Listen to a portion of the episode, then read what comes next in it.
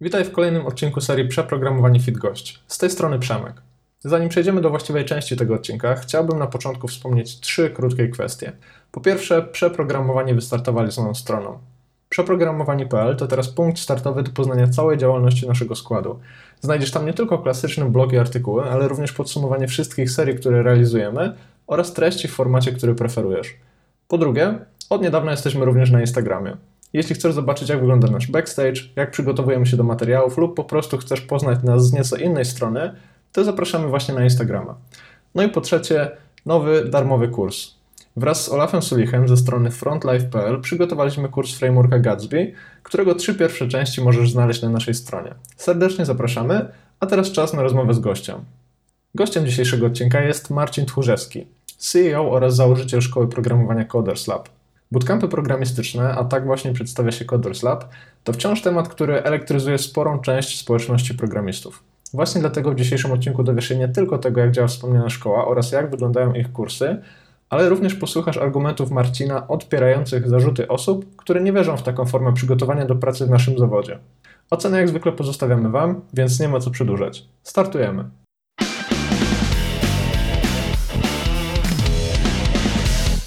Cześć Marcinie, witajcie serdecznie w kolejnym odcinku z naszej serii Przeprogramowanie Fit Gość. W dzisiejszym odcinku spotyka się z nami Marcin Tchórzewski, założyciel szkoły Koters Lab. Cześć Marcinie. Cześć jeszcze raz wszystkim. Mam dla Ciebie Marcinie takie pytanie otwierające, zanim jeszcze hmm. przejdziemy do głównej części naszej rozmowy, a mianowicie, czy w tym szczególnym roku Ty się nauczyłeś czegoś o sobie, o swojej pracy, o tym jak się rozwijasz, czy masz jakieś konkretne spostrzeżenia, które mógłbyś się zaraz na starcie podzielić?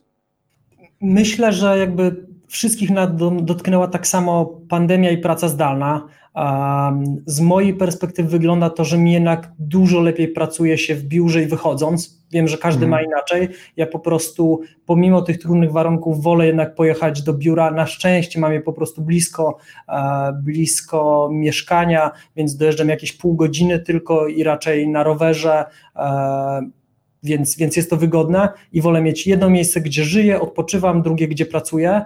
Mm, to, co nauczyłem się, to że no, można dużo planować i pamiętam jak rok 2019 kończyłem bardzo dokładnie poukładanym planem na ten rok w Coders Lab, po czym w marcu to ten cały plan po prostu wziąłem i podarłem, e, wyrzuciłem do kosza, więc e, dobrze umieć się dostosować do zmiennych okoliczności, warunków.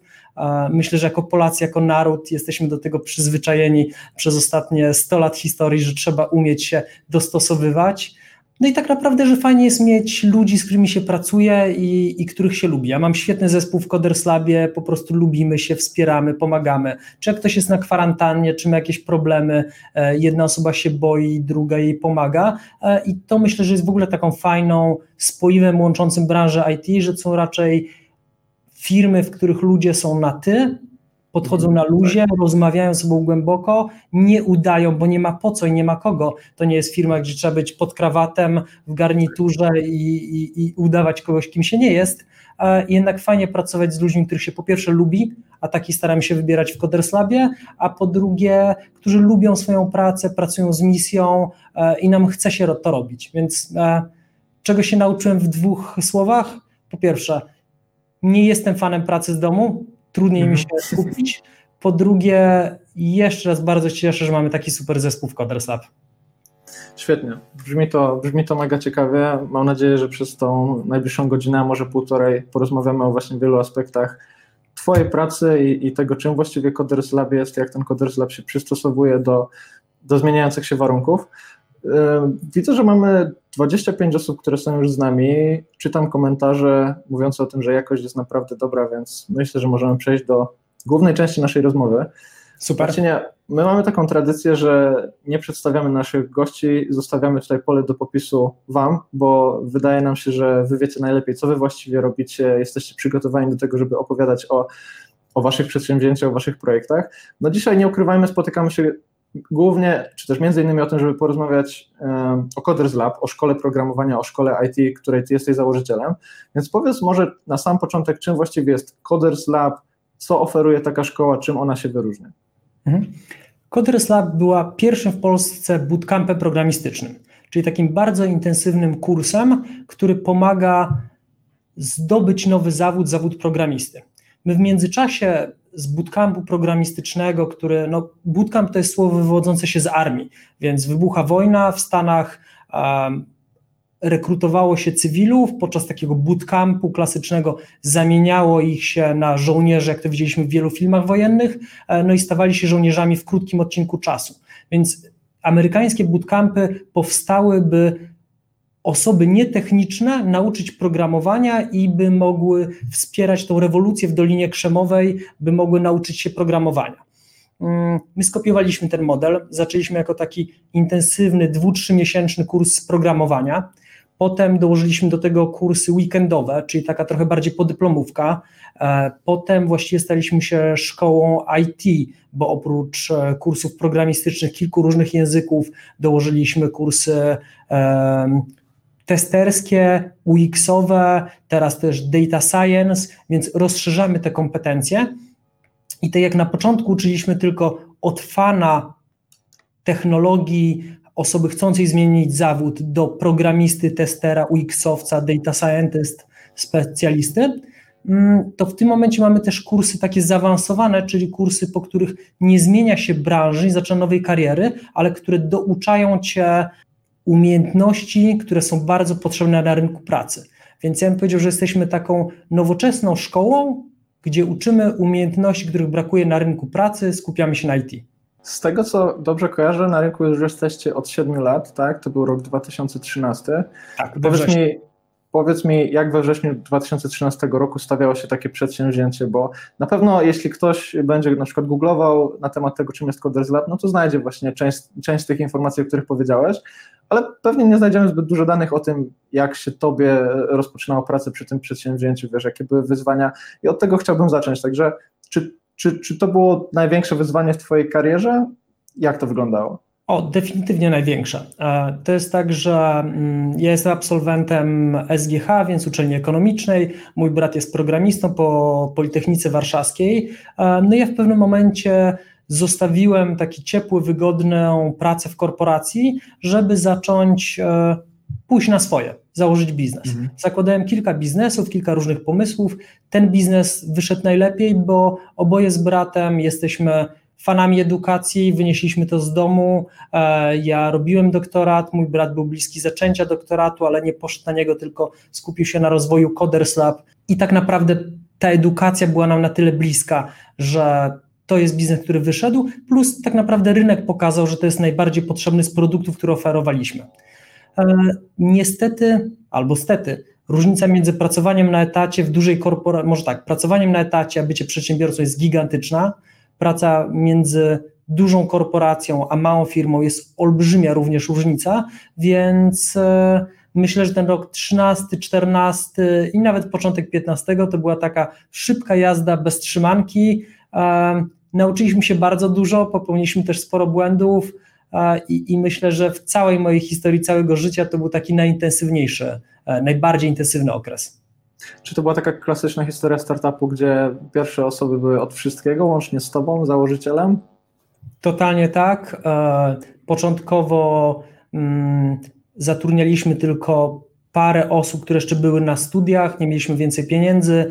E, Jacek odpowiadał za tworzenie naszych materiałów, e, nasz software, ja za marketing, sprzedaż, finanse, więc bardzo wiele rzeczy uczyliśmy się w biegu. Natomiast jako, że obaj mamy te obszary, w których się bardzo e, spełniamy, w których jesteśmy naprawdę dobrzy, to gdzieś tam się to układało. Oczywiście w międzyczasie trafiliśmy na wielu super specjalistów, którzy pomagali tworzyć konkretne kursy, e, modele sprzedaży, marketingu, więc to nie jest tak, że myśmy to wszystko sami zbudowali, natomiast e, na pewno każdy z nas zajmował się większością obszarów w firmie.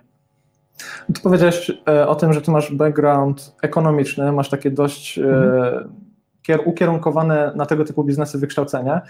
Więc y, pytanie od razu stricte co do Twojej roli. Czy to było tak, że powiedzmy wszystkie te puzzle były już poukładane i Ty po prostu musiałeś rozpocząć tego typu biznes, czy właśnie, e, czy nawet przyszłość Coders Lab była niepewna i to był jeden z takich po prostu wielu eksperymentów, w które Ty byłeś zaangażowany? Ja myślę, że jakby przyszłość każdej firmy jest nieokreślona i, i pełna znaków zapytania. Jednak zawsze jest potrzebny jakiś lider, osoba, która podejmuje decyzje, czasem ryzykuje, czasem wybiera jedną z dróg, gdzie wszystkie mogą być równie dobre.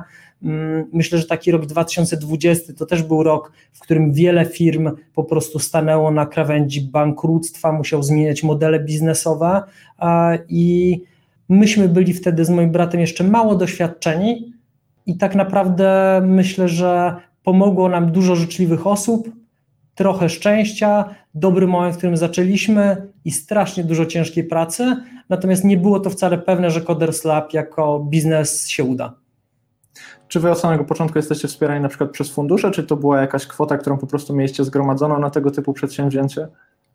Wiesz co, myśmy wtedy nasze oszczędności zainwestowali, to były bardzo skromne oszczędności, kilkadziesiąt tysięcy złotych początkowo, natomiast przez pierwszy rok e, nie wypłacaliśmy sobie pensji, więc to spowodowało, że tak naprawdę no, zainwestowaliśmy też poprzez brak pensji, przejadanie swoich oszczędności więcej niż te kilkadziesiąt tysięcy złotych. E, i myślę, że dzisiaj, gdybym zakładał kolejną firmę, to od początku bym się próbował posiłkować jakimiś zewnętrznymi pieniędzmi, żeby zrobić to szybciej, lepiej. Natomiast to jest jeszcze tak, że teraz umiem je wydać i potrafię mm, taki biznes prowadzić. No właśnie, jest, jest, jest takie powiedzenie, że wiele startupów od pieniędzy raczej tonie niż właśnie umiera z, z zagłodzenia, więc może, może to faktycznie byłoby tak, że gdybyś dostał taką, taką transzę pieniędzy bez tego doświadczenia, które masz teraz, no to też to nie byłoby żadnym gwarantem sukcesu. No nie, nie wiadomo, w którym kierunku by to poszło i pewnie teraz trochę oceniasz na podstawie tych wszystkich lekcji przez te jednak 7 lat, tak? To znaczy, że ten inwestor wcześniej mógłby pomóc, ale pewnie 7 lat temu nie miałeś tak naprawdę pojęcia, jak z tym inwestorem pracować, tak? Co to w ogóle znaczy być wspierany przez inwestora? Siedem lat temu na pewno bym go nie wziął, ponieważ e, nie potrafiłem tego zrobić dobrze. To trochę mhm. jak teraz potrafiłbym napisać swój pierwszy projekt lepiej, trochę jak z programowaniem. Mhm. Gdyby każdy po trzech latach doświadczenia wrócił do swojego pierwszego projektu, zrobiłby go lepiej. Tak. Natomiast nie da się cofnąć czasu i każdy etap rozwoju powoduje, że musimy się czegoś innego nauczyć. To prawda. Ja tutaj patrzę na czat. Oczywiście zachęcam wszystkich widzów do tego, żeby pisać, e, żeby pytać, pytać Marcina o pracę w Coders Lab, o to, jak Coders Lab się rozwijało. Marcin powiedział kilka minut temu, że jest gotowy na trudne pytania. Widzę, że mamy tutaj już e, Macieja, który przykładowo krytykuje właśnie zawartość kursów oferowanych przez Coders Lab. No i Marcin jest gotowy, żeby o tym porozmawiać. Przejdziemy za chwilę do tego tematu. Na samym początku chciałbym jeszcze, żebyśmy podrążyli temat właśnie tego e, rozkręcania biznesu, ale tak naprawdę zaraz zmierzymy się z trudnymi pytaniami, także, także koniecznie bądźcie z nami, tylko bez hejtu, bo, bo jeśli pytania e, zada, zadajemy merytoryczne, to oczekujemy też tego, żeby komentarze były merytoryczne. Wracając Marcinie do naszej rozmowy, jak wygląda reakcja społeczności IT na te wasze działania? Powiedziałeś, że uczyliście się tego, co to właściwie znaczy rozkręcanie biznesu, mhm. powiedziałeś, że mieliście jakieś oszczędności, ale oczywiście to wszystko się nie działo w próżni, więc pytanie, co działo się w waszym otoczeniu?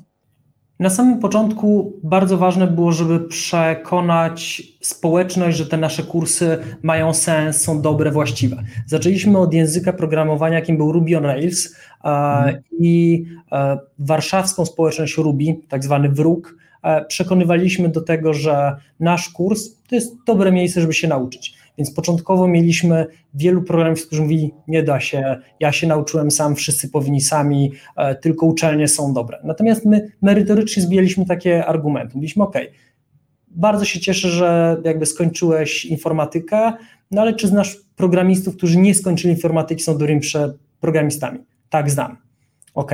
Czy na studiach nauczyli cię Rubiego? No nie, tego się nauczyłem sam po godzinach. No ale mówią, ok, ja, no i jakby zbijaliśmy te argumenty padało pytanie, ja się uczyłem programować dwa lata, jak wy chcecie zrobić w trzy miesiące? Ja mówię, dobrze, jak dużo czasu przez te dwa lata poświęcałeś tygodniowo naukę programowania? Ja mówią, no dwa popołudnia, czyli dwa razy po dwie godziny, cztery godziny w tygodniu, 52 tygodnie w roku, raz jeszcze dwa, no to była określona liczba godzin. I pokazywaliśmy, że tak naprawdę my chcemy podobną liczbę godzin skomasować w jednym momencie, czyli jakby ucząc się w tygodniu od poniedziałku do piątku 8 godzin dziennie, to są ta sama liczba godzin, co rozbijając to na dwa lata, natomiast mniej godzin w tygodniu. Um, odpowiadaliśmy na bardzo takich wiele pytań. Początkowo tą całą społeczność zapraszaliśmy do nas na koniec kursu, żeby porozmawiali z absolwentami, zobaczyli, oni potrafili na początku, czyli to były wszystkie osoby nietechniczne, które nie miały styczności z programowaniem, może nie tylko nietechniczne, ale osoby, które nie programowały na pewno w Rubim, a zwykle w ogóle żadnym języku programowania wcześniej, e, ile potrafili na koniec, jak przedstawiały się ich projekty końcowe, bo każdy uczestnik kursu i teraz i w przyszłości Coders Lab na sam koniec ma do zaprezentowania taki własny projekt końcowy, gdzie buduje jakąś aplikację od początku do końca. To może być strona dla znajomych, to może być e, strona dla jakiegoś biznesu, organizacji pozarządowej lub przykładowa strona, której nigdy będzie używał. Natomiast fajnie jest, żeby ta strona działała, żyła i na nie potestować. Mm, I tak kawałek po kawałku przekonywaliśmy społeczność, e, początkowo jakby programiści, którzy byli naszymi hejterami, stawali się zwolennikami, niektórzy dołączali do nas jako wykładowcy, e, nasi alumni znajdowali pracę, szli do firm, później z tych firm przychodziły inne osoby, które mówiły, ok, ja widziałem gościa, który teraz jest programistą w tej firmie, ja się tam zajmowałem, nie wiem, fakturami, środkami unijnymi, e, jakimiś innymi zajęciami, widziałem, że to da, działa, więc chcę przyjść. I tak naprawdę taki marketing szeptany, tudzież przekonywanie osób niewierzących w tą ideę, to na początku były najważniejsze zadania. A co było takim MVP, który, który oferowaliście właśnie społeczności? Powiedziałeś, że zaczynaliście od kursu Ruby on Rails mhm. i to na tym skupiły się te wasze działania, to znaczy dopieśćmy jakby jeden kurs, który na początku zbuduje nam taką rozpoznawalność, czy jakoś inaczej próbowaliście się pozycjonować w tej, w tej społeczności? Wiesz co, my początkowo mieliśmy jeden tylko kurs Ruby on Rail, który miał elementy i frontendu i backendu, później ten kurs podzieliliśmy na osobno kurs frontendowy i osobno kurs backendowy, później backendowy to zrobiliśmy z niego kilka języków programowania, początkowo jakby nasz kurs był tylko takim klasycznym kursem od poniedziałku do piątku, 8 godzin dziennie u nas programowania, ale popołudniami jeszcze e, uczysz się w domu, powtarzasz, nie pracujesz, nie studiujesz. Potem daliśmy ten kurs weekendowy. Mm, początkowo to były wszystkie kursy stacjonarne, teraz mamy też kurs w wirtualnej klasie, więc taki mhm. e, model nauki online'owej, gdzie każdy uczestnik kursu i wykładowca zdzwaniają się wszyscy razem w tym samym momencie i e, razem się uczą, rozwiązują zadania, przegadują swoje rozwiązania, czy każdy też części materiałów uczy się w domu, natomiast ty, będąc każdy w innym miejscu, natomiast w tym samym czasie uczą się razem, który jest odwrotny do nauki takiej mm, typowej dla kursów online'owych, gdzie jest to typowy self-learning, każdy uczy się samemu albo ma godzinę z jednym wykładowcą tygodniowo, żeby e, odpowiedział mu na pytania, co moim zdaniem jest bardzo mało, e, lub są to tylko materiały wideo bez jakiejś możliwości interakcji, które też nie, nie powodują, że na tym pierwszym etapie łatwo e, zrozumieć materiał. Więc my cały czas ewoluowaliśmy i cały czas to robimy. No właśnie tak z lotu ptaka przez te 7 lat, jak zmieniło się Wasze podejście do, do tworzenia całego kontentu. Jeszcze na razie nie wchodząc właśnie w szczegóły, bo powiedziałeś już o kilku punktach, do których jeszcze wrócimy. Powiedziałeś o wirtualnej klasie, powiedziałeś o tym, że rozszerzaliście ofertę kursów, ale w kontekście Waszej misji, która też na pewno ewoluowała, jak, jak to wyglądało? To znaczy, chyba że, chyba, że tak nie było, chyba, że misja jest cały czas ta sama, tylko używacie innych narzędzi. Przez te ja powiedział, że misja jest dokładnie ta sama, ponieważ jesteśmy szkołą, która chce w jak najbardziej efektywny sposób, czyli nie bawimy się w teorię, w papierki, w mówienie, nie wiem, panie profesorze, w zatrudnianie ludzi z tytułami, tylko uczenie praktycznie i efektywnie tych kompetencji, których brakuje na rynku pracy, dlatego też zmieniamy języki programowania, których uczymy, żeby absolwenci znajdowali po nich pracę. Mm, tak samo w tej misji e, mieszczą się też nasze kursy takie zaawansowane, gdzie już uczymy specjalistów konkretnych frameworków, języków programowania, gdzie już analityków zamieniamy w data science. i, I misja pozostaje ta sama, i myślę, że za 10 lat też będziemy chcieli uczyć efektywnie i kompetencji, które będą potrzebne na rynku pracy, mimo że kursy mogą wyglądać zupełnie inaczej. To, co się zmieniało, to to, że pierwsze nasze prezentacje to było napisany materiał w PowerPoincie i, i ludzie dostawali te mm, PDF-y, czyli jakby prezentacje PowerPointowe zmienione w PDF-y, wykładowca e, uczył pierw teorii, później każdy siedział, rozwiązywał swoje zadania.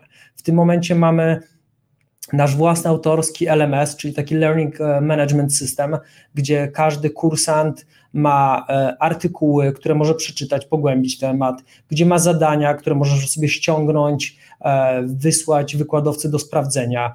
E, może zgłosić, jeżeli widzi błąd lub niejasność na stronie, czyli my dostajemy takie zgłoszenia od każdej osoby czytającej materiały. Kiedyś jakby jak one były w PDF-ie, takiej możliwości nie było. Kiedyś jak ktoś dostał materiały w PDF-ie, no to już do końca kursu miał takie same. W tym momencie, jako że te materiały są online'owe, no to my robimy zmianę jakąś na kursie i wszyscy studenci w tym samym momencie w Polsce po prostu już widzą nowsze materiały, więc powiedziałbym, że zmieniły się systemy, których używamy, narzędzia i zmieniła się jakość materiałów, ponieważ my cały czas doskonalimy te materiały. Mamy w tym momencie kilku, w, pewnym momencie to było kilkanaście osób na pełen etat, które tylko i wyłącznie usprawniają, polepszają, e, rozbudowują nasze materiały, żeby każdy mógł dobrze nauczyć się tych e, technologii. E, cały czas je update'ują, ponieważ języki programowania też się zmieniają. I myślę, że w tym momencie właśnie na, najważniejszym um, wyróżnieniem między tymi kilkoma dużymi szkołami programowania, które zostały na rynku, a, a tymi małymi, które pojawiały się i upadły, jest to, że bardzo ciężko e, w krótkim czasie wytworzyć tak dużo dopracowanych materiałów, że ta bariera wejścia po prostu stała się e, zupełnie inna. I tutaj chciałbym, żebyśmy płynnie przeszli do czegoś, e, o co już upominają się osoby oglądające tę rozmowę, a mianowicie jakości dowożonego przez Was kontentu i tego, co czeka absolwentów. Mm, pozwól, że przeczytam Ci takie trzy komentarze, które znalazłem pod wywiadami e, z Twoją osobą na YouTubie. Zaczniemy od e, przykładów tych raczej negatywnych i Ty będziesz osobą, która, która zaraz będzie to zbijał, bronił. Mhm. Zobaczymy, jak to wyjdzie. Także trzy komentarze. Pierwszy. W trzy miesiące to można co najwyżej nauczyć się pisać bezwzrokowo. Drugi. Bzdury. Ludzie programowania uczą się długie lata. Przestańcie naciągać ludzi. Trzeci. Mam nadzieję, że era bootcampów kiedyś minie, bo to jest robienie kasy na niewinnych ludziach. No więc, panie Marcinie, jak to jest z tym robieniem kasy na niewinnych ludziach w Coders Lab? Myślę, że trzy wszystkie komentarze doty dotyczyły tego samego. Znaczy, niewiary, że w trzy miesiące można e, nauczyć się wystarczająco dużo, by znaleźć pracę jako junior. No ja bym tutaj odesłał do statystyk. E, jeżeli wejdziecie na naszego kodreslabowego LinkedIna, tam jest taka opcja zobacz absolwentów, więc wyświetlają się profile osób, które sobie wpisały Coders Lab jako uczelnię, którą skończyły i, i zerknijcie na jakie firmy, na firmy, w których oni pracują. Ja też bardzo chętnie tutaj pod naszym wywiadem później e, zapytam kilku absolwentów, poproszę, wrzucę ich LinkedInowe profile e, i, i pokażę te przykłady. E, no w tym momencie mamy ponad 6,5 tysiąca absolwentów i to są setki, tysiące przykładów osób, które skończyły kursy i bardzo dobrze sobie radzą na rynku pracy od Piotrka Ziętary, który skończył nasz pierwszy ever bootcamp Ruby on Rails. On zaczynał właśnie jako junior w mm, Rebased, więc to jest taka znana warszawska, wtedy była warszawska, teraz już w kilku miastach mają siedziby e, firma programistyczna właśnie bazująca na Rubim. Potem przechodził przez kilka innych firm, jest założycielem warszawskiej społeczności JavaScriptowców, więc e, tak naprawdę... Warsaw.js, tak? Warsaw.js to jest jedna z większych społeczności programistycznych e, w tym momencie w Warszawie, zakładam, że również w Polsce. Duże eventy, konferencje. W tym momencie Piotrek e, po siedmiu latach ma własny software house, jest super zadowolony ze swojej kariery. Jakby przykładów mamy naprawdę większość osób, które skończyły, no my te, liczymy sobie te statystyki, które kończy nasze kursy, świetnie sobie radzi na rynku pracy. Oczywiście są osoby, które nie radzą sobie tak dobrze, natomiast to trochę jakby zarzucać jakiejś uczelni wyższej czy szkole języka nie wiem, angielskiego, niemieckiego, że coś robi źle. Tak naprawdę nauka, zdobywanie pracy, no to jest wysiłek obu stron. E, jakaś firma edukacyjna może ułatwić przyswojenie materiałów, dać dobrych wykładowców, fajne warunki, pomagać, wspierać, ale na koniec dnia, no to jednak każdy uczy się samemu, musi powtarzać e, w domu, sprawdzać, e, pilnować, robić zadania, zrobić dobrze projekt końcowy, dobrze sprzedać się na rozmowie rekrutacyjnej. Ja myślę, że to, co się stało w Polsce, to wytworzyliśmy bardzo dużą liczbę firm uczących programowania, co jest dobre, ponieważ dzięki temu mamy więcej programistów, dzięki temu bardziej rozwijają się firmy IT w Polsce i, i zaczyna się to być taka polska silna branża, e, ponieważ te firmy programistyczne to często są eksporterzy, tutaj wytwarzają swoje usługi e, albo swoje produkty, sprzedają je na zachodzie, więc jest to taki nowoczesny eksport, natomiast bez kolei, e, bez tirów, tylko wysoko przetworzona myśl, umiejętności, usługi e, i cieszę się, że Polska stała się takim mocnym hubem software'owym, hubem IT. Te statystyki na Waszej stronie mówią, że 82% absolwentów znajduje pracę i chciałbym, żebyśmy sobie przeszli właśnie przez dwie części tych statystyk, to znaczy zacznijmy od tych 82%, porozmawiajmy sobie jak wyglądają kursy i co im oferujecie, ale też no, nie uciekniemy od tych, jeśli dobrze liczę, procent 18, których, y, którzy tej pracy nie, nie znajdują. Więc pytanie, od której części ty chciałbyś zacząć? Czy od tej części większej, czy od tej części mniejszej? Zacznijmy może od tego, co oferują kursy. Więc tak naprawdę powiedzmy sobie szczerze, cała wiedza na świecie, która jest wytworzona, jest prawie cała do znalezienia w internecie. Można powiedzieć, czemu iść na, do szkoły programowania, czemu do, na kurs angielskiego, e, czemu pomagać, nie wiem, pytać się o zdanie trenera na siłowni. Ja zawsze tak, uważam... To, są, to, są, to są, przepraszam, że ci przerwę, to są też pytania, z którymi się zmagaliśmy, jak startowaliśmy z Opany JavaScript, z kursem, e, który miał już trzy edycje. No i, i, i, też były pytania, przecież to wszystko jest e, za darmo dostępne w internecie, po co i w ogóle jakim prawem bierzecie za to pieniądze, więc myślę, że więc myślę, zaraz, zaraz odpowiesz, dlaczego akurat ktoś, taki jak autor kursu, może brać pieniądze za coś, co jest darmowe i pozornie dostępne właśnie w internecie. Jak to wygląda? Po pierwsze, to co jest najważniejsze. Cała wiedza jest dostępna w internecie, natomiast jej przeczytanie, poukładanie, sprawdzenie, poukładanie w dobrych momentach to jest jakby taka esencja, za którą się płaci powiedzmy, ja nie mam takiej wiedzy jak trener na siłowni, więc pytam go i, i czasem płacę mu za to, żeby mi czegoś doradził. On przeczytał wiele książek, zrobił kursów i on mi taką esencję mnie potrzebną pokazuje. Druga sprawa, że płacimy za czas, za czas wykładowcy, za e, miejsce, w którym się uczymy, ponieważ kursy stacjonarne e, no to jest sala, miejsce, gdzie możemy się uczyć wieczorami, gdzie wypijemy kawę. Wiele osób mówi, że takie kursy stacjonarne dla nich są wygodniejsze do nauki, ponieważ wychodzą z domu, jadą w konkretne miejsce, uczą się te 8 godzin trochę jak w pracy lub w liceum, natomiast wtedy nie mają czasu na odbieranie telefonu od znajomych, sprawdzenie um, YouTube'a, e, rozpraszacze, które byłyby w domu. Tak naprawdę grupa motywuje, wykładowca, który nas odpytuje, sprawdza, pomaga, więc płacimy za przygotowanie dobrych materiałów i my w Coders Lab naprawdę z całego rynku e, bootcampów w Polsce największą wagę przykładamy do wytworzenia naszych materiałów. E, idzie w to bardzo dużo pracy naszych e, in-house'owych wykładowców, mentorów, a co za tym pieniędzy po prostu włożonych. Mamy bardzo fajną platformę LMS-ową, która wspomaga tą naukę. Potem są wykładowcy, którzy zaglądają w Twój kod, sprawdzają, dają Ci uwagi. Mm, I oczywiście można się tego również nauczyć samemu, natomiast z nami robi się to szybciej i efektywniej i są osoby, które chcą zapłacić za to, żeby nauczyć się szybciej, efektywniej, a są osoby, które wolą to zrobić inną drogą samemu i ja szanuję oba podejścia, e, więc bardzo uczciwie pokazujemy, czym kurs jest, czym nie jest. E, nikomu nie mówimy, że jak nasz kurs kończy, to na pewno znajdzie pracę, więc są bootcampy, które gwarantują pracę, natomiast tam zawsze jest jakiś e, gwiazdka i bardzo dużo wyjątków, kiedy ta gwarancja nie działa. My dlatego w takie rzeczy się nie bawimy. Bardzo jasno komunikujemy, że jest to sporo pracy i, i ta praca leży po stronie osoby uczącej się, że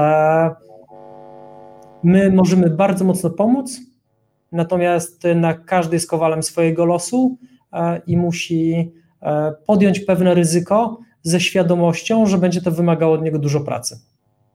W całym tym rynku właśnie edukacyjnym e, w Stanach Zjednoczonych jest taka całkiem znana i, i coraz szybciej rozwijająca się firma e, z waszej branży, mianowicie Lambda School. Nie wiem, czy, czy słyszałeś o takim przedsiębiorstwie. Oni mają taki bardzo, bardzo ciekawy model, który polega na tym, że płacisz w momencie, kiedy znajdujesz pracę. Czyli jeśli faktycznie ten bootcamp, w którym uczestniczysz, dał ci pracę, no to wtedy spłacasz e, tą swoją edukację. Czy wy zastanawialiście się nad wprowadzeniem takiego modelu, czy to jest właściwie możliwe, czy, czy nie?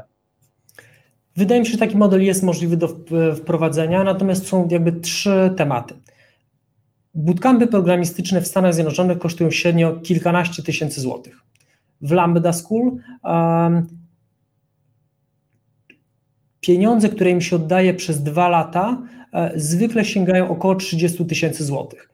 Więc to jest taki kredyt, tak samo jak z kredytem mieszkaniowym czy każdym innym kredytem, który zaciągamy i właściwie z przyszłych naszych przychodów spłacamy więcej niż pożyczyliśmy w tym momencie. Tak więc niektórzy się mm, decydują na taki model, inni idą na bootcampy, które takiego modelu nie oferują. Druga sprawa jest, że właściwie, żeby taki model oferować, no to my jako Coders Lab jesteśmy specjalistami w nauce programowania, w nauce różnych zawodów IT. Natomiast będąc, mając taki model, musielibyśmy mm, być firmą, która potrafi jakoś, nie wiem, wyegzekwować dopłaty, tak, sprawdzić. Tak. Więc trochę by zamienilibyśmy się w bank, tudzież firmę windykacyjną, czego po prostu nie chcemy robić. I u nas na przykład można e, zaciągnąć po prostu raty w banku Santander, które no nie kosztują tak jak w wymienionej szkole dwa razy drożej niż szkolenie, tylko jest to kilka procent e, rozłożone, jakby kilka procent droższe, są jeszcze kilka procent, które e, bierze na siebie Coders Lab w dużej części i, i można po prostu, my od banku dostajemy pieniądze na początku kursu, natomiast oczywiście mniejszą kwotę niż za kurs, natomiast osoba spłaca je przez rok, dwa, trzy, chyba maksymalnie to są cztery lata, mm, ale my po prostu bankiem nie chcemy być.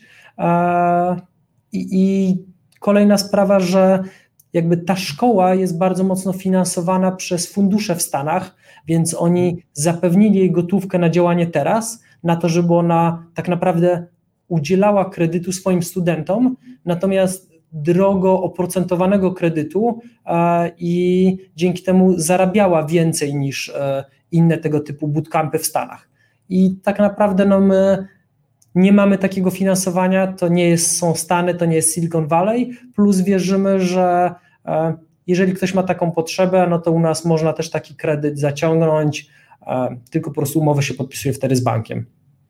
A właśnie jeśli chodzi o takie inspiracje na przykład z zachodu, to masz coś takiego, czym, czym mógłbyś się jeszcze podzielić, na przykład jeśli chodzi o, o właśnie powiedzmy waszą konkurencję, czy też, czy też firmy, które robią po prostu to samo, ale nie traktujecie ich jak konkurencję, jakieś mhm. praktyki może, albo, albo sam fakt, że macie na przykład tą in-house'ową platformę do e-learningu, czy to jest też coś, co gdzieś tam na przykład zauważyliście w innym miejscu i się zainspirowaliście, czy to wyszło jakby organicznie z wewnątrz Coders Lab?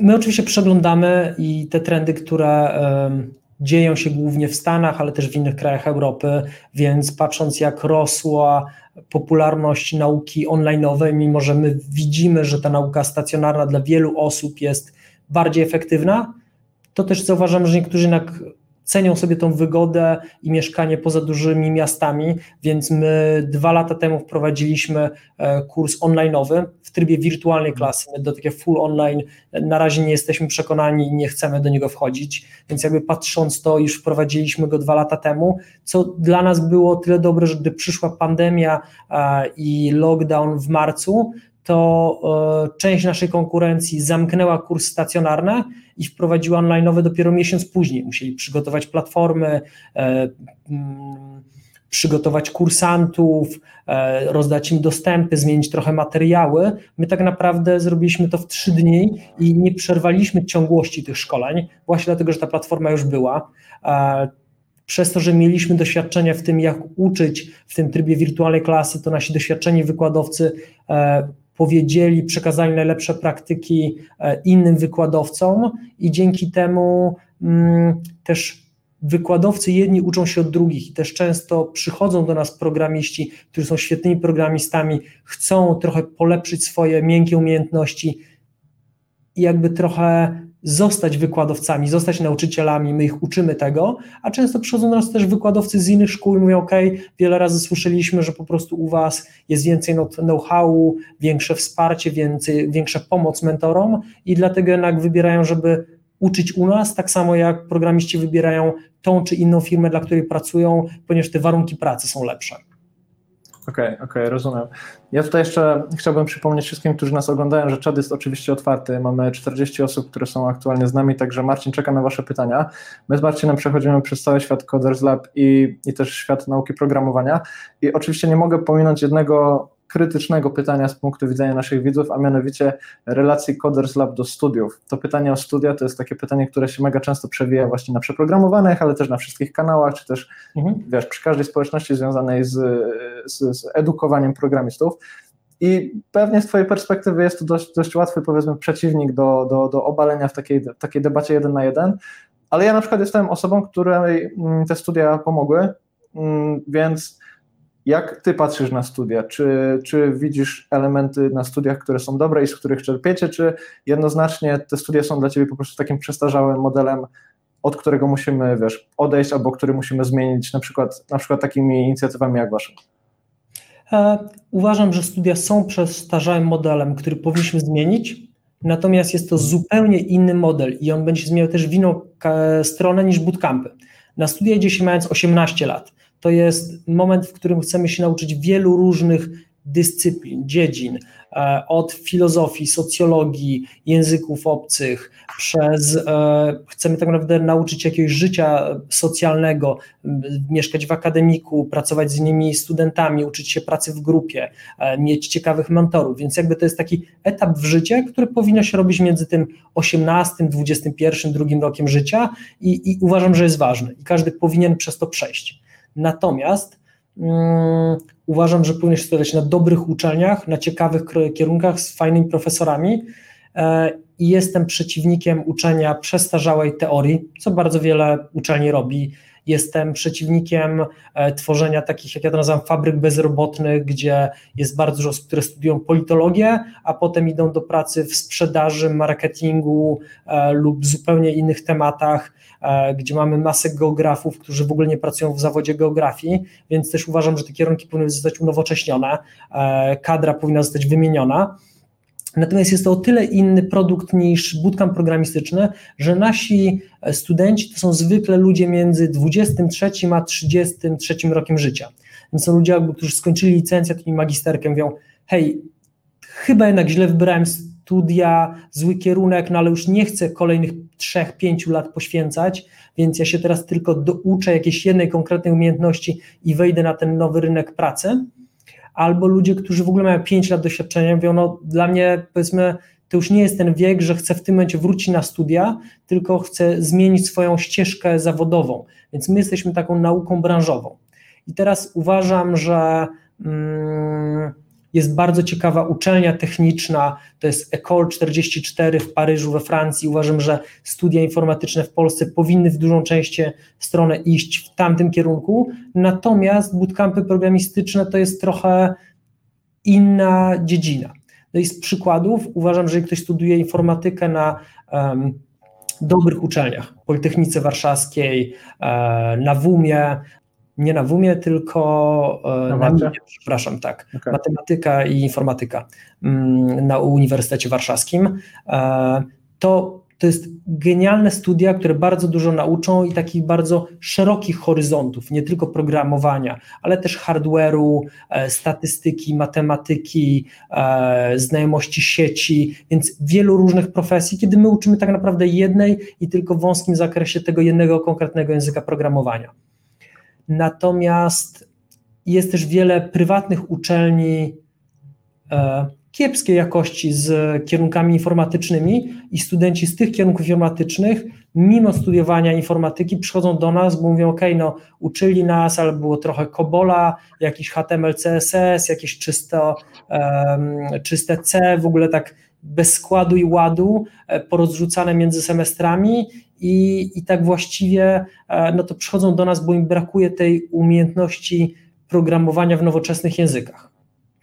W pewnym sensie przyszła mi do głowy taka myśl, że nie wiem, to nie, to nie tak, że od razu się z tym zgadzam, ale przyszło mi do głowy coś takiego, że te wszystkie zarzuty o, o krótkim okresie nauki u Was mogą być związane z tym, że, że w pewnym sensie się przyzwyczailiśmy do tego, że właśnie szkoła musi trwać te 3,5 pół roku, co najmniej na poziomie inżynierskim, dodatkowe półtora, dwa lata na, na, na magistrze, ale a faktycznie jeśli się zastanowimy, ile tam czasu jest marnowanego na, na jakieś przedmioty albo zadania, które są zupełnie niezwiązane z tym, co robimy, no to, to można by się zacząć zastanawiać, ile tego czasu faktycznie trzeba poświęcić, żeby tym programistą się stać. Oczywiście nie mówię, to, nie mówię tego dlatego, żeby tutaj jakoś niesamowicie wspierać y, ten okres trzech miesięcy, bo ja akurat nie mam zdania, bo w takim bootcampie nie uczestniczyłem, ale może, może tak jest, co sądzisz? Czy to nie jest tak, że się przyzwyczailiśmy, że, że to studia definiują ten właśnie okres, wiesz, prawdziwego tam wykuwania inżyniera z, z metalu? Wiesz co, y dla osób, które są, dla których ten koncept bootcampu jest nowy, to pewnie tak, no bo nakładają taką łatkę myślową ze swoich studiów dowolnego kierunku na naukę programowania. Natomiast tak naprawdę w branży no już nie ma ludzi, którzy wątpią w bootcampy, no bo my jakby wyszkoliliśmy 6,5 tysiąca specjalistów. Firmy konkurencyjne też cał, całkiem dużą liczbę. Praktycznie nie ma w Polsce większej firmy IT, gdzie nie pracuje jakiś absolwent bootcampu programistycznego. I oczywiście można mieć zarzuty, czy ludzie w czasie tych bootcampów wystarczająco dobrze się uczą, czy wkładają w to wystarczająco dużo e, serca czy oni naprawdę chcą być programistami, czy idą tylko dla pieniędzy. No to są kwestie, które trzeba sprawdzić na rozmowie rekrutacyjnej. Ja nie mówię, zatrudniajcie w ciemno um, mhm. każdego absolwenta bootcampu, tak samo jak w ogóle nie zatrudniajcie każdej osoby, która wyśle CV do waszej firmy. To niebezpieczne. No, myślę, że to byłoby katastrofa. E, tylko e, podchodźmy do tego wszystkiego z rozsądkiem. No i właśnie teraz myślę, że jest dobry moment, żebyśmy przeszli do tych 18%, które niestety tej pracy nie znajdują z różnych powodów. E, weźmy tutaj taki e, komentarz, który się pojawił, to znaczy proszę się ustosunkować do obecnej sytuacji na rynku, gdzie praktycznie nie ma ofert dla juniorów bez doświadczenia. 99% ofert jest dla osób z doświadczeniem między innymi jeden rok. Mhm. No, ja właśnie sobie wyobrażam, że, że, że, że osoba, która, która kończy wasz bootcamp, nie ma co marzyć, powiedzmy sobie szczerze, o stanowisku innym niż, niż junior developer. No i co w takiej sytuacji właśnie oferujecie tym osobom? Albo jeszcze z innej strony, z czego to wynika, że taka osoba tej pracy może, może akurat nie znaleźć? Wiesz co, ja bym tu powiedział kilka ważnych elementów. Pierwsza sprawa jest taka, że myślę, że niedoszacowana jest liczba ogłoszeń na stanowisko juniorskie ponieważ są to osoby takie bardzo zmotywowane, wysyłają CV do wielu firm. Często te ogłoszenia są na stronach firm, natomiast e, te firmy nie muszą wydawać pieniędzy, żeby wrzucać te ogłoszenia na przykład na pracuj.pl, gdzie ogłoszenie kosztuje 1000 zł i e, jeżeli te osoby i tak wysyłają CV, szukają tych ofert na forach, na Facebooku, można znaleźć przez swoją siatkę kontaktu, no też HR-owcy powiedzmy tutaj nie wydają pieniędzy, więc tych ofert na pewno jest mniej niż w poprzednich latach, natomiast ta, ta liczba, jakby ten 1% uważam za mocno niedoszacowany. Druga sprawa, to my cały czas zmieniamy technologie, których uczymy po to, żeby uczyć tych technologii, których najbardziej brakuje na rynku pracy. I na przykład z początkiem przyszłego roku znowu prowadzimy technologie, które przez jakiś czas nie uczyliśmy, bo widzimy, że tam ta luka jest największa. Więc pierwsza sprawa, no my staramy się dostosowywać, dopasowywać um, i uczyć tych języków, których najbardziej potrzebuje rynek pracy. Czasem to niestety wygląda tak, że my musimy e, przekonywać kursantów, którzy do dzwonią, mówią, ja przeczytałem w necie, że najwięcej pieniędzy zarabia się w Javie, ja się będę uczył Javy. Ja mówię, okay, no ale poczekaj, jeżeli jesteś, nie wiem, osobą, która bardzo lubi estetykę, nią zabawy, to jednak może ten frontend będzie dla ciebie lepszy, może jednak tester, ponieważ, nie wiem, z twojego typu osoby um, wynika co innego, albo bardzo chcesz pracować, bo to też ludzie nam czasem mówią na rozmowach w małej firmie, więc wtedy mówimy, że Java no, raczej jest takim rozwiązaniem chętnie wybieranym przez korporacje niż przez małe software house'y, więc też podpowiadamy inne języki. Tak jak już mówiłem, na początku przyszłego roku prowadzimy też kurs w innym języku programowania, żeby poszerzać to nasze e, portfolio. Mm. Druga sprawa, że rzeczywiście no, tak jak mówiłem, każdy podejmuje pewne ryzyko na własne. Um, każdy uczy się samemu, chociaż my będziemy każdemu pomagać, no to ludzie mają różne predyspozycje, różnie się przykładają niestety e, do nauki. Czasem e, bywają osoby z trudniejszym charakterem e, lub po prostu z jakichś innych powodów, mającym zbyt wysokie oczekiwania na początek i one tej pracy nie znajdują. Zwykle są osoby, które jednak zrozumiały w trakcie kursu, że to nie jest do końca zawód dla nich, Na szczęście to się zwykle dzieje w trakcie kursu. E, mam takie przykłady, że są osoby, które jako że przychodzą na osoby bez doświadczenia, wtedy mówimy OK, też jesteś w stanie się nauczyć programowania, ale masz tutaj pre-work, przez miesiąc przed kursem rób ten pre-work samemu, tam pewne podstawowe koncepty zrozumiesz, nauczysz się samemu, takie proste jak na przykład pętla, e, no i są osoby, które mówią, ok, dla mnie jest to zbyt skomplikowane, to wtedy mówimy, no to my Cię nie możemy dopuścić do kursu, bo jeżeli nie jesteś w stanie bardzo prostych konceptów nauczyć się samemu, no to nawet z wykładowcą i grupą powiedzmy e, nie nauczysz się wystarczająco dobrze, żeby być programistą, który znajdzie łatwo pracę na, na rynku, no i wtedy my takie osoby nie dopuszczamy do kursu, nie bierzemy od niej pieniędzy e, za tą część kursową, e, bo to też jest nie w naszym interesie. Czy takich etapów właśnie weryfikacyjnych jest więcej? Jak to wygląda, jeśli chodzi o zgłoszenie się do Was, na przykład znajduję informację o tym, że jest coś takiego jak Coders Lab w internecie czy na Facebooku, kontaktuje się w jakiś sposób i, i, hmm. i machina rusza i co się dzieje teraz w moim kontekście? Wiesz co, można zrobić sobie jakieś zagadki, testy, te po pierwsze, można zrobić na naszej stronie test predyspozycji. E, sprawdza, czy masz predyspozycję do bycia programistą, no to jest, jest to też uproszczone, więc to jest jakaś taka wskazówka. Potem można sobie zrobić takie mm, challenge programistyczne, gdzie z kilku prostych lekcji po prostu uczysz się podstawowych konceptów i widzisz, czy to jest dla Ciebie fajna, ciekawa w, e, czy nie ścieżka. Potem rozmawiasz z naszym doradcą kariery, który właśnie podpowiada, jaki język, jaka technologia, odpowiada na Twoje pytania, wątpliwości.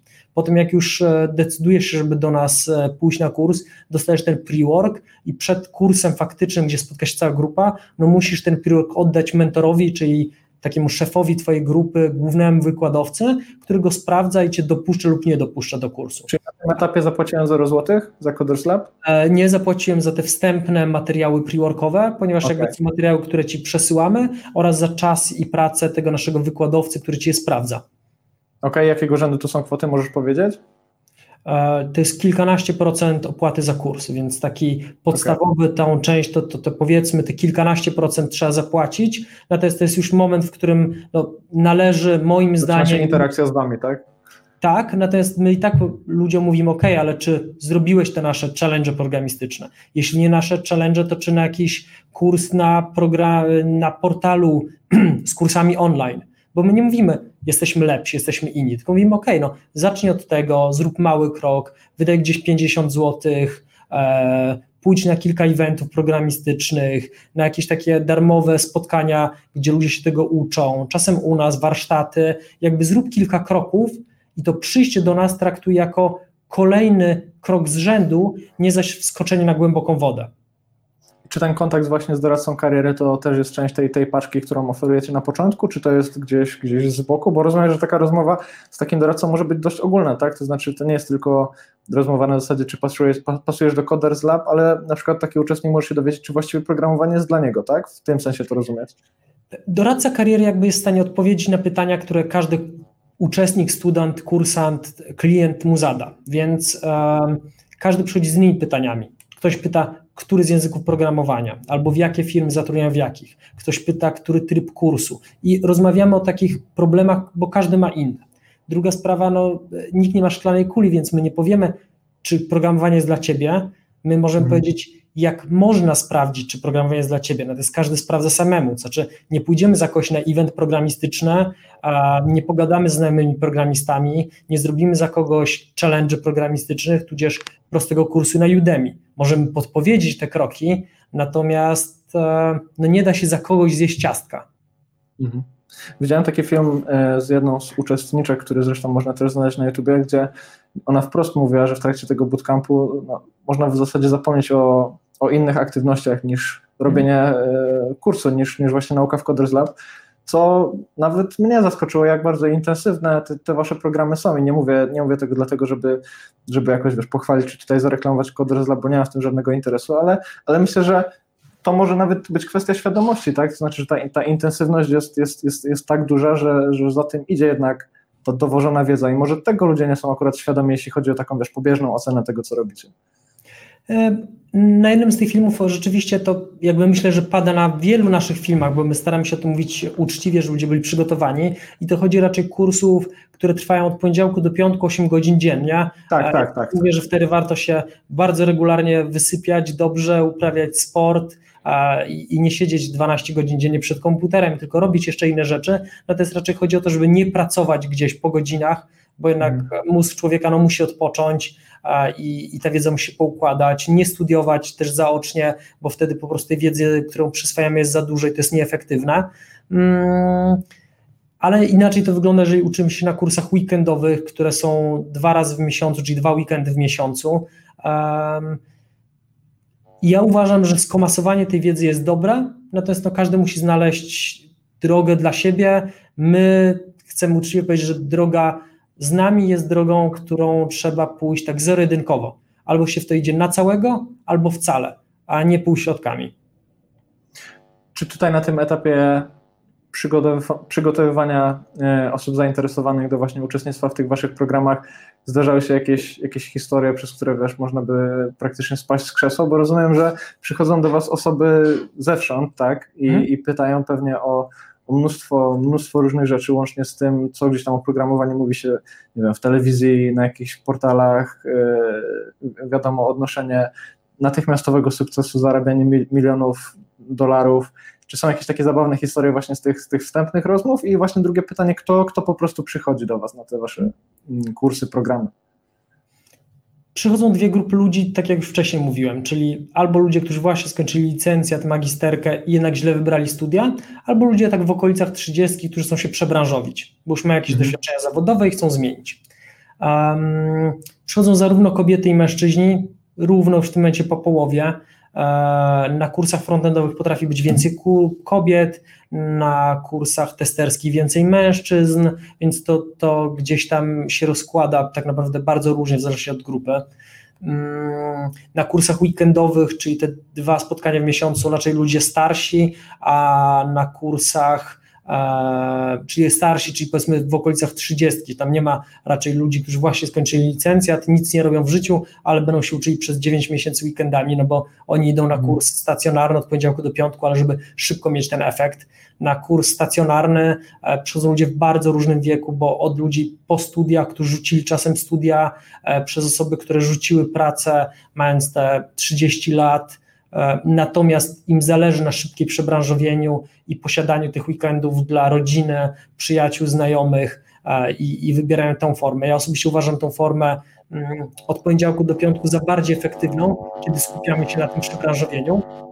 Jeżeli chodzi o śmieszne historie, no to zawsze pytanie, ok, czy będę zarabiał 10-15 tysięcy? Mówimy, nie no, zacznij jako junior, zacznij od dużo mniejszych kwot. Mhm. Pytają się, czy programowanie, ale to już na szczęście rzadko, e, jest też dla kobiet, jest dla ludzi, którzy nie skończyli studiów informatycznych i to zawsze zbijamy. Natomiast e, e, istnieje taki stereotyp programisty jako faceta e, w przetłuszczonych włosach, e, w mhm. koszuli w kratę, który siedzi w ciemnym pokoju. E, dobrze, i... dobrze, że ma softboxy dzisiaj, bo...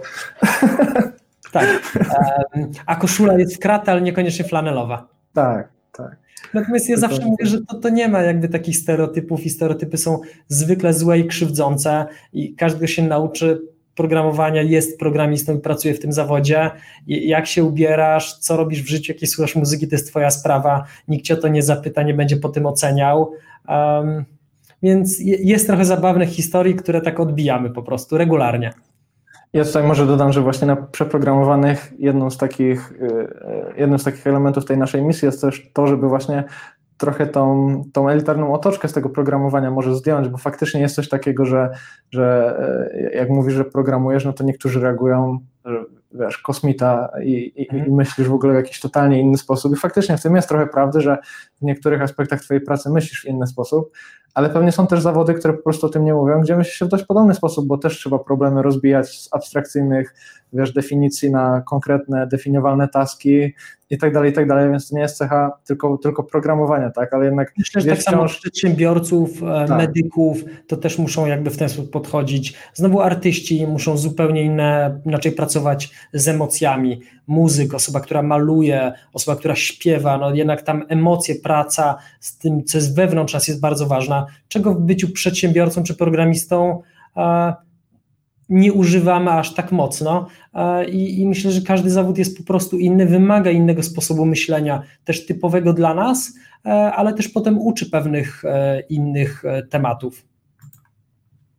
Tak, tak, ja się zgadzam. Tutaj mamy ciekawe pytanie od, od Michała. Nie wiem, Marcinie, czy masz informacje na ten temat, ale to jest pytanie, jaki procent Waszych kursantów to osoby z dyplomem licencjat, inżynier, magister informatyki? Czy wiesz, jak to wygląda? E, dokładnego procentu nie powiem, natomiast powiedziałbym, że to jest kilka, kilka procent. I ty właśnie powiedziałeś wcześniej, że zaczynacie też jakby pogłębiać tą wiedzę, tak? To znaczy ja sobie e, tak zgaduję, że niebawem gdzieś tam będziecie też tą swoją ofertę kierować już do programistów, tak to rozumieć? Czy może tak, to już się dzieje? mamy, bo mamy takie kursy jak frontend dla backendowców lub backend dla frontendowców, więc to są mhm. takie kursy, które są popołudniami, tylko w wersji online'owej, e, dwa spotkania w tygodniu, gdzie osoby już pracujące właśnie jako frontendowiec douczają się pewnych e, frameworków, języków backendowych i w drugą stronę. E, mamy też bardzo popularny teraz kurs Data Scientist, gdzie trzeba być już analitykiem, czyli znać matematykę, statystykę, bardzo dobrze Excela, pracować w tym zawodzie, a my Cię uczymy programowania w języku Python i odpowiednich bibliotek, które spowodują, że możesz automatyzować swoją pracę lub wejść na zupełnie inny level. Więc to są takie kursy, powiedzmy, mm, nie przebranżawiające, tylko dodające umiejętności, których ci brakuje.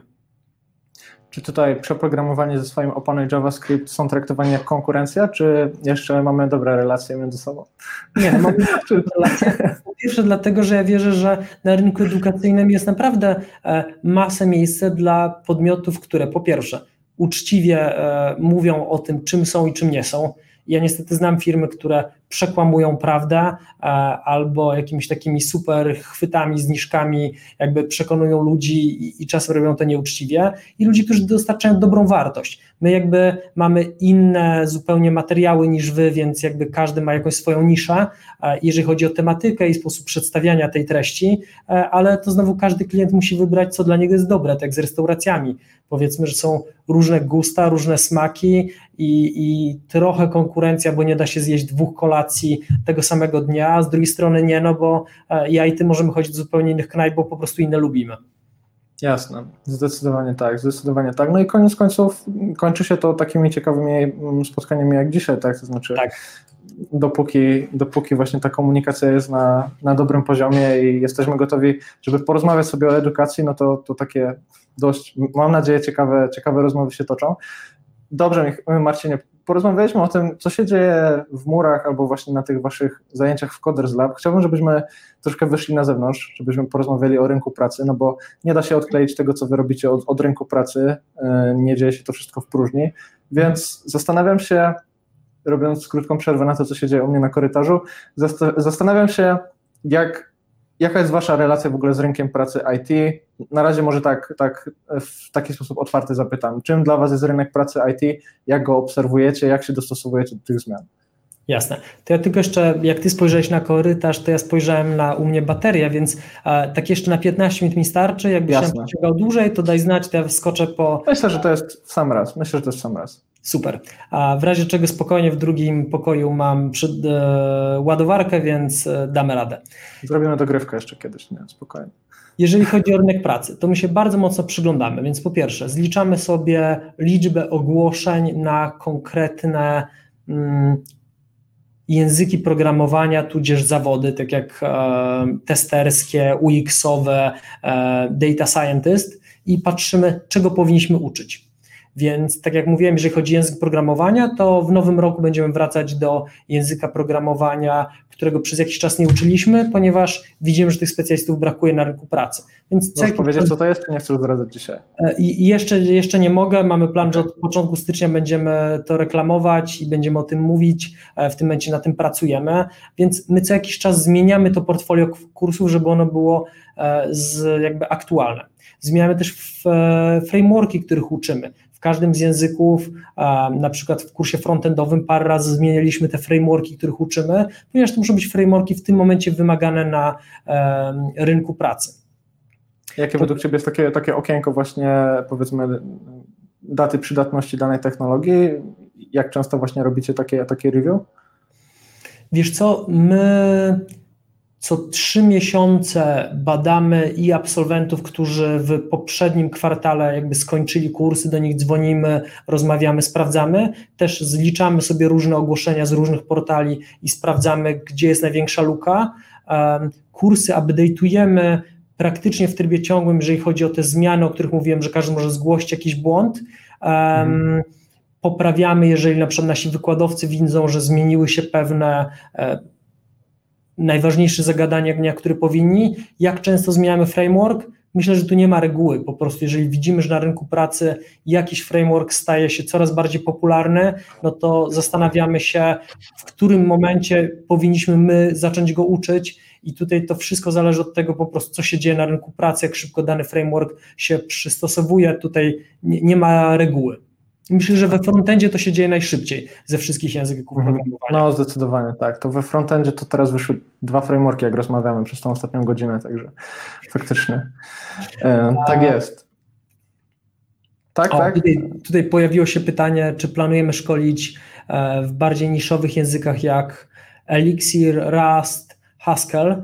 E, tak. Nie, w tym momencie nie planujemy. To wynika z tego, że te nasze kursy są bardzo mocno dopracowane, bardzo dużo wkładamy wysiłku w to, żeby te materiały były obszerne, e, rozbudowane i staramy się skupić na tych technologiach, gdzie juniorem jest najłatwiej znaleźć e, pracę na rynku, to jeżeli chodzi o te kursy takie początkowe. Jeżeli chodzi o kursy te zaawansowane, to będziemy wchodzić w kolejne technologie, ale to kawałek po kawałku. Teraz tym najnowszym naszym kursem jest właśnie e, Python Analityk Danych, który mhm. otwiera nas na trochę inną grupę, bo to nie są ludzie, którzy chcą być programistami, tylko to są ludzie, którzy pracują jako analitycy danych, natomiast douczając się języka programowania, oni zwiększą swoją konkurenc e, konkurencyjność na rynku pracy. Tutaj na przykład przychodzi dużo osób z wielkiej czwórki, więc takich firm jak um, PWC, Deloitte, um, Teraz widzisz, że nie pamiętam wszystkich nazw. Ernst Young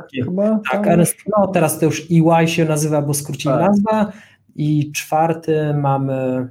Jak wpiszemy wielka czwórka w Wikipedii firmy konsultingowe, to Znajdzie Ale tak samo coraz więcej firm konsultingowych w doradztwie strategicznego e, zatrudnia u siebie albo analityków danych, albo właśnie hasowo programistów, którzy pewne dane wyszukują. Um, Accenture ma całkiem sporo osób w działach, które również korzystają z takich języków programowania i z nimi też rozmawiamy, więc e, tak naprawdę wszystkie banki, e, firmy energetyczne to są gigantyczne zasoby danych, gigantyczne mm, możliwości robienia analiz, więc ten sektor w ogóle finansowy, bo też wchodzą ubezpieczenia, to też są nasi klienci stamtąd. Czy właśnie to, to, to wasze know-how to też jest odpowiedź na trzecie pytanie Michała? Dlaczego większość firm skupia się na webie, a nie na przykład na systemach embedded? Wy po prostu umiecie szkolić o web developmentie i to z tego wynika? Ja bym powiedział, że firmy szkoleniowe to są firmy, które się skupiają na rynku B2B i one, no na przykład jak Altcom Akademia ma gigantyczny zestaw szkoleń, jakby uczą wszystkiego. Ja bym powiedział, że my jesteśmy raczej rynkiem edukacyjnym. Dla mnie to rozróżnienie takie można powiedzieć semantyczne, natomiast polega na tym, że my się skupiamy na kliencie B2C, więc osobach prywatnych i te nasze mhm. kursy są długie, to jest kilkanaście, kilkadziesiąt dni. Firmy szkoleniowe to są takie kursy dwu, trzy, czterodniowe, raczej rynek B2B, więc firma do firmy wysyła swoich pracowników, um, więc o firmach szkoleniowych e, nie wypowiem się. No u nas my staramy się, żeby to były te technologie, w których my się czujemy dobrze, więc nie uczymy za wszelką cenę każdej technologii, która się robi popularna, tylko tego, czego wiemy, że potrafimy uczyć dobrze, e, a po drugie, no tego, gdzie jednak e, tych technologii, w których jest najwięcej ofert na rynku pracy. Jasne. Tutaj właśnie mamy jeszcze między innymi wspomnienie o Raście, który też jest taką technologią, która jest gorąca, ale też pewnie jakby wziąć pod uwagę polski rynek, to wcale niekoniecznie tak musi całkiem, być. Ca cały czas jednak niszową. Tak, też mi się tak wydaje. Też mi się tak wydaje. Marcinie, jak tam Twoja bateria? Bo ja mam dla Ciebie, szczerze mówiąc, jedno ostatnie pytanie, mianowicie to, jak wygląda droga Waszego absolwenta na rynek pracy. Więc mhm. pytanie, czy Mam Damy radę, minut, żeby o tym porozmawiać? 15 minut okay. baterii, więc wyrobię się Super. w 5 i, i będziemy e, machać na pożegnanie. Wiesz no co? to właśnie, tak. Ludzie po pierwsze, my staramy się jak najlepiej nauczyć i dać ludziom wiedzę, ponieważ ja wiedzę, że osoba z dobrą wiedzą poradzi sobie na rynku pracy, a bez tej wiedzy, jakkolwiek byśmy jej nie pomogli, sobie nie poradzi. Więc to jest kluczowe. Nauczyć tych kompetencji, których brakuje, e, żeby ludzie potrafili się obronić. Po drugie, staramy się ludziom pokazać, jak powinni przedstawić swojego GitHuba i jak ważny jest profil, e, znaczy ich projekt końcowy. Każdy kursant, powiedzmy w trakcie kursu ludzie robią podobne zadania, podobne ćwiczenia, podobne projekty, ale ostatni końcowy jest ich, ich własnym, indywidualnym. Więc e, to jest ich portfolio, które będą pokazywać kolejnym firmom. I są ludzie, którzy naprawdę robią cuda e, jako projekty końcowe i, to im po prostu ułatwia znalezienie pracy, no ale są osoby, które robią projekt końcowy i go nigdy nie kończą. No i to jakby siłą rzeczy, no musicie skreślać albo um, utrudniać znalezienie pracy na firmach, jeżeli pokazujesz swój nieskończony projekt i, i, nie masz czasu go dokończyć, nie wiesz do końca jak, straciłeś motywację. Dalej my robimy taką mm, rozmowę z rekruterem, co nasi e, in-house'owi rekruterzy, którzy pokazują Ci, jak ulepszyć swoje CV, żeby ono było po prostu jasne, czytalne. Nie, nie zmienić coś w nim, pokazać innego, nieprawdę, tylko jakie uprościć, ulepszyć, żeby było po prostu czytelne. E, jest przykładowa rozmowa e, z rekruterem, e, gdzie pomagamy ludziom się oswoić, bo dla niektórych są pierwsze rozmowy, pierwsze rozmowy wielu lat, albo pierwsze po prostu w branży IT, więc żeby podchodzili tacy spokojni, wyluzowani, bo to też bardzo pomaga i, i żeby wiedzieli, czego się spodziewać. Mm, tak naprawdę staramy się ich dopasować, pomóc im dopasować się do odpowiednich firm, ponieważ no to też w czasie tych pierwszych rozmów inny typ osoby dobrze czy w korporacji, inny typ osoby w małych firmach. My na samym początku mieliśmy takie targi, na których łączyliśmy absolwentów z um, firmami um, IT.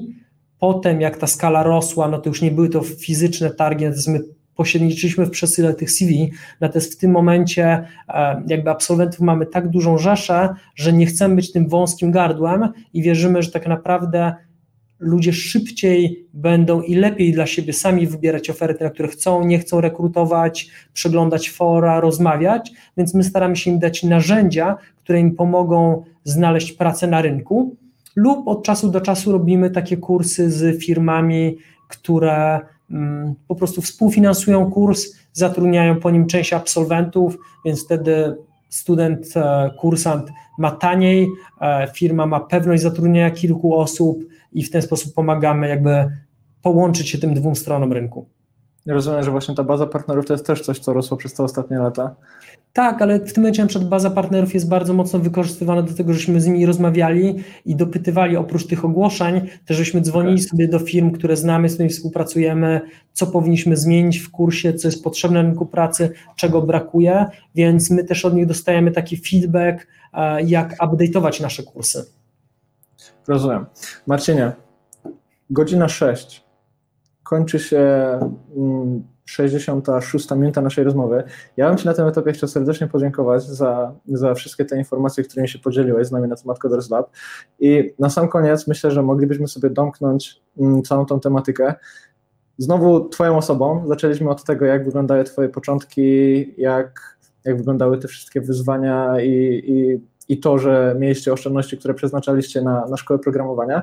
Więc pytanie na sam koniec, czy mógłbyś polecić wszystkim, którzy słuchają tej rozmowy albo będą jej słuchać, jakieś na przykład jedno narzędzie, książkę, technikę albo praktykę, która pomaga Ci w Twojej codziennej pracy jako CEO takiej, takiej firmy? Czy była to na przykład książka, która coś u Ciebie zmieniła, czy to jest jakaś konkretna technika, którą stosujesz każdego dnia? Wiesz co, mm, myślę, że moja praca jako przedsiębiorcy bardzo różni się od e, wielu innych zawodów, więc też e, nie chciałbym jakby polecać książek, które ja czytam, ponieważ to są głównie książki o przedsiębiorczości, o zarządzaniu ludźmi. I, Polećmy i taką książkę. Polećmy A, taką książkę. Moim zdaniem najlepsza, którą czytałem, to jest Hard Things About Hard Things. A, mhm. więc to jak być dobrym CEO firmy technologicznej w takich bardzo dynamicznych warunkach. Natomiast to, co można polecić wszystkim, to po pierwsze życie w jakimś takim dobrym dla siebie harmonogramie. Ja na przykład staram się dostosować te godziny pracy do mojego zegara biologicznego, żeby pracować w godzinach, kiedy jestem najbardziej efektywny. Czyli mam część dnia poświęconą na pracę, gdzie się skupiam, gdzie pracuję nad konkretnymi tematami, inną część dnia na spotkania, ponieważ wiem, że tak dla mnie lepiej działa. Staram się medytować, żeby być spokojnym, zrelaksowanym. Dużo uprawiam sportu, jeżdżę do firmy, do pracy na rowerze, żeby no, te godziny spędzone w siedzeniu przed komputerem, jakby, żeby ciało też o nie zadbać. To jest też odpowiednia dieta, więc ja bym powiedział, że to, co każdy powinien znaleźć, to jakiś taki balans w tym, jak dobrze zarządzać swoją energią i jak e, dobrze się czuć e, swojej pracy. I tym pozytywnym akcentem zakończymy dzisiejszą rozmowę. Ja chciałbym Ci mega podziękować za, za Twój czas. E, mam nadzieję, że rozmawiało Ci się tak samo dobrze jak e, mi. Pytanie, czy masz coś, co chciałbyś na sam koniec dodać, czy o coś nie zapytałem, czy, czy na tym etapie możemy kończyć?